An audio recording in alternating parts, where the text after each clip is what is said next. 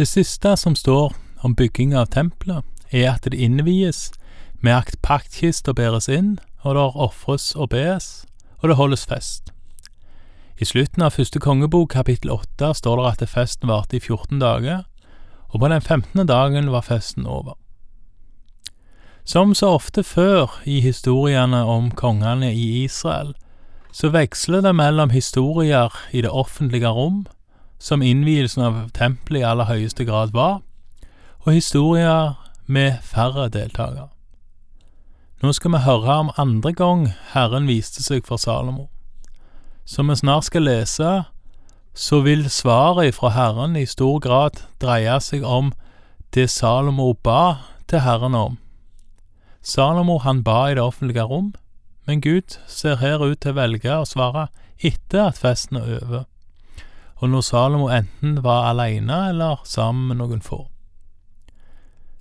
Det står at Salomo var der, og at Herren var der. Andre nevnes ikke. Vi leser fra første kongebok, kapittel 9, vers 1. Da Salomo hadde bygd ferdig Herrens hus, kongeborgen og alt det andre som han ønsket å gjøre, viste Herren seg for ham for annen gang, slik som han hadde vist seg for ham i Gibeon, og sa til ham, jeg har hørt din bønn og ditt rop om nåde som du bar fram for meg. Jeg har helliget dette huset som du har bygd, og jeg vil la navnet mitt bo der for alltid. Mine øyne og mitt hjerte skal alle dager være vendt mot det. Herren Gud starter med å stadfeste at han har hørt Salomos i bønn og rop om nåde, og at han har helliga huset, tempelet, som Salomo har bygd, der Guds navn skal bo for alltid. Gud sier òg at han skal ha sine øyne og hjerter vendt mot dette stedet alle dager. Salomo ba om dette i sin bønn, at Herren skulle ha øyne og ører vendt mot det som blei bedt om i dette huset, og Gud bekrefter her at han vil gjøre det. Vi leser videre fra vers fire. Og du, så sant du vandrer for mitt ansikt, slik din far David gjorde, med helt hjerte og i oppriktighet, og så sant du gjør alt det jeg har befalt deg, og holder mine forskrifter og lover, da skal jeg la din kongetrone stå fast i Israel for alltid, slik som jeg lovet din far David da jeg sa, det skal aldri mangle en mann av din ett på Israels trone. Et av hovedtemaene både for kongebøkene og egentlig for hele Israels eller jødenes historie er dette som kommer igjen her. Israelsfolket er Guds eget folk, og holder det Guds bud og forskrifter, så skal det gå folket bra. Det gjelder for folket blir et folk i Egypt, og kanskje særlig etter at Moses får loven på Sinai-fjellet. Holder de ikke buda, så får det konsekvenser. En av de første konsekvensene var at ingen av de som gikk ut av Egypt, fikk være med inn i det lova landet fordi de brøt loven. Moses var vel den som var nærmest han fikk se inn i landet før han døde.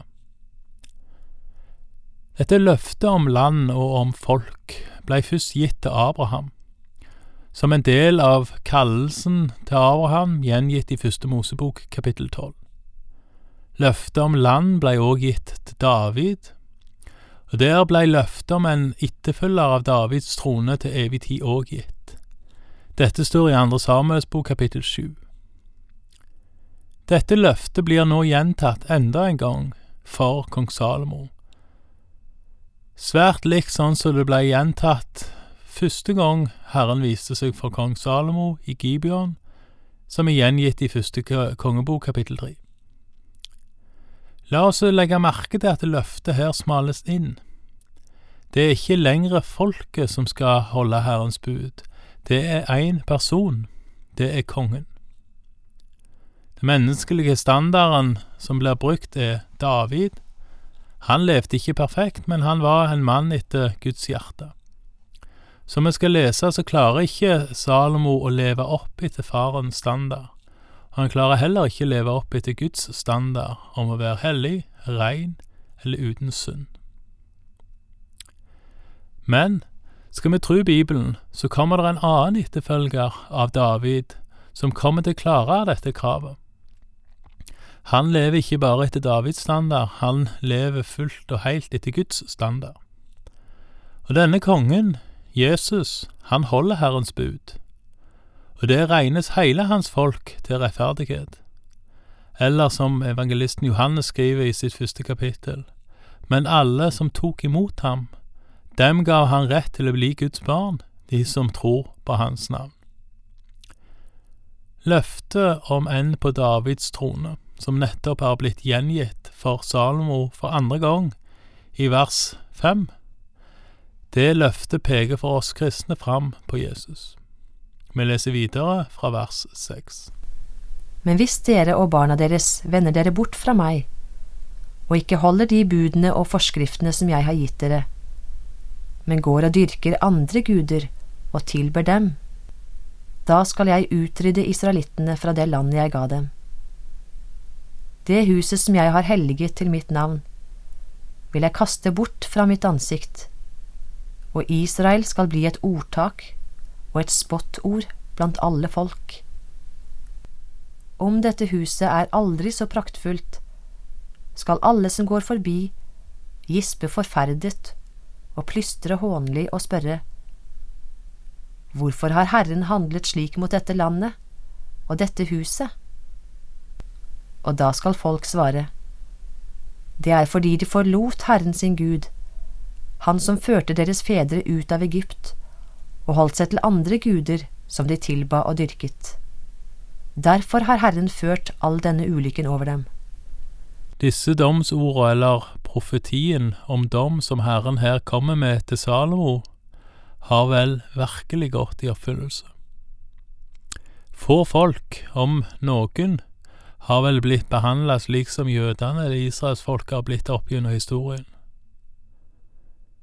Og med dette slutter referatet fra Salomos andre møte med Herren, og som ofte før settes farten opp i historiefortellingen. Vi leser videre ifra vers 10. Da de 20 årene var gått som Salomo hadde brukt til å bygge de to husene, Herrens hus og kongeborgen, ga han Hiram kongen i Tyros, 20 byer i Galilea. For Hiram hadde hjulpet ham med sedertre, sypresstre og gull, så mye han ønsket seg. Men da Hiram kom fra Tyros for å se på de byene som Salomo hadde gitt ham, likte han dem ikke. Han sa, Hva er dette for slags byer du har gitt meg, min bror? Han kalte dem for Kabul-landet og det heter det den dag i dag. Men Hiram sendte kongen 120 talenter gull. Det er ikke helt klart hvorfor Hiram ikke likte disse 20 byene, men det gjorde han angivelig ikke. Han sendte likevel Salomo 120 talenter gull, som tilsvarer ca. en sjettedel av Salomos årlige inntekter. Hva som skjedde med disse 20 byene er noe uklart. I alle fall hvorfor Hiram ikke likte de. Men sånn som jeg forstår andre krønikebok, kapittel 8 vers to, så får Salomo de tilbake igjen. Nå leser vi videre om pliktarbeidet, en av de store belastningene av Salomos veldige byggeaktivitet.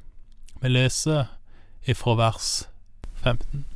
Slik hadde det seg med det pliktarbeidet som kong Salomo satte i gang, da han skulle bygge Herrens hus, sitt eget hus, Millo, Jerusalems bymur, Hasor, Megiddo og Geser. Farao, kongen i Egypt, dro opp og inntok Geser. Han satte byen i brann og drepte alle kanoneerne som bodde der. Siden ga han byen i medgift til sin datter, som ble gift med Salomo. Salomo bygde opp igjen Geser og Nedre Bet Horon, Baalat og Tamar i ødemarken der i landet, og alle byene hvor Salomo hadde lagerhus, og de byene hvor han hadde vognene og hestene sine. Han bygde også alt han ønsket seg, både i Jerusalem og i Libanon, i hele det riket han hersket over. Det var ikke bare i Jerusalem der bygdes mye. Der bygdes mye over hele landet, så leste vi nettopp nå. Men legg òg merke til dette med hester som nevnes. Det har vi vært inne på før. Det ble òg nevnt i første kongebok, kapittel fire. Salomo hadde mange hester, han hadde mye hestefolk, han hadde mye vogner. Der står vel en plass at han hadde 12 000 hester totalt. Hesten var krigsdyret, og leser vi kongeloven som står i femte Mosebok kapittel 17 fra vers 14 og utover, så står det om tre forbud for konger i Israel. Forbudet mot å skaffe seg mange hester, forbudet mot å skaffe seg mye gull og rikdom, og forbudet mot mange koner. Det er vel ikke en overdrivelse å si at Salomo brøt alle disse tre forbudene ganske ettertrykkelig. Det vil si, han brøt i alle fall to av de. Dette med rikdom lovte jo Herren Salomo når Salomo ba om visdom, så det er vel egentlig ikke et forbud som Salomo brøt. Men Gud lovte han aldri mange koner eller mange hester, så den delen av kongeloven gjelder vel sånn som jeg forstår det. En kan jo spørre seg hvorfor en ikke skulle holde seg med hester. Svaret er kanskje så enkelt at Herren skulle stride for Israel. Folket skulle stole på Herren og ikke på sine egne hester eller sin egen innsats som vel var grunnen til at Gideon ikke fikk ta med seg mer enn 300 soldater når han skulle i krigen, en historie en kan lese om i Dommerne 7. Vi leser nå videre fra vers 20. I landet var det fortsatt igjen en befolkning som ikke tilhørte Israels folk. Amoritter, hetitter, perisitter, hevitter og jebusitter. Salomo la pliktarbeid på etterkommerne av disse folkene, så mange som ennå var igjen, fordi israelittene ikke hadde klart å utrydde dem, la Salomo pliktarbeid på. Slik har det vært til denne dag. Men han satte ingen av israelittene til å gjøre slavearbeid. De var krigere, hoffmenn, høvdinger, våpenbærere, vognkommandanter og ryttere. Tallet på de arbeidslederne Salomo hadde, var 550. De hadde tilsyn med arbeidsfolkene. Så snart faraos datter hadde flyttet fra Davidsbyen opp til det huset Salomo hadde bygd for henne, gikk han i gang med å bygge Millo. Tre ganger om året bar Salomo fram brennoffer og fredsoffer på det alteret han hadde bygd for Herren, og han brente røkelse for Herrens ansikt. Slik fullførte han tempelet. Kong Salomo bygde en skipsflåte i Eshon Geber, som ligger ved Eilat i Edomlandet, ved Sivsjøens kyst. På disse skipene sendte Hiram noen av sine menn som var sjøfolk og kjente havet, av sted sammen med Salomos menn. De dro til Ofir og hentet gull, 420 talenter, som de førte til kong Salomo. Kapittel 9 slutter med verset om at Salomo ikke bare bygde opp Jerusalem og landet generelt, men at han ved hjelp av Hiram, kongen i Tyrus, eller kongen for sjøfolket fønikerne, bygde opp en handelsflåte som dro enda mer rikdom inn til kong Salomo. Gud holdt virkelig sitt løfte om rikdom i tillegg til visdom. Og med denne påminnelsen om at Gud holdt det han lovte Salomo, så får vi si takk for i dag, og Herren være med deg.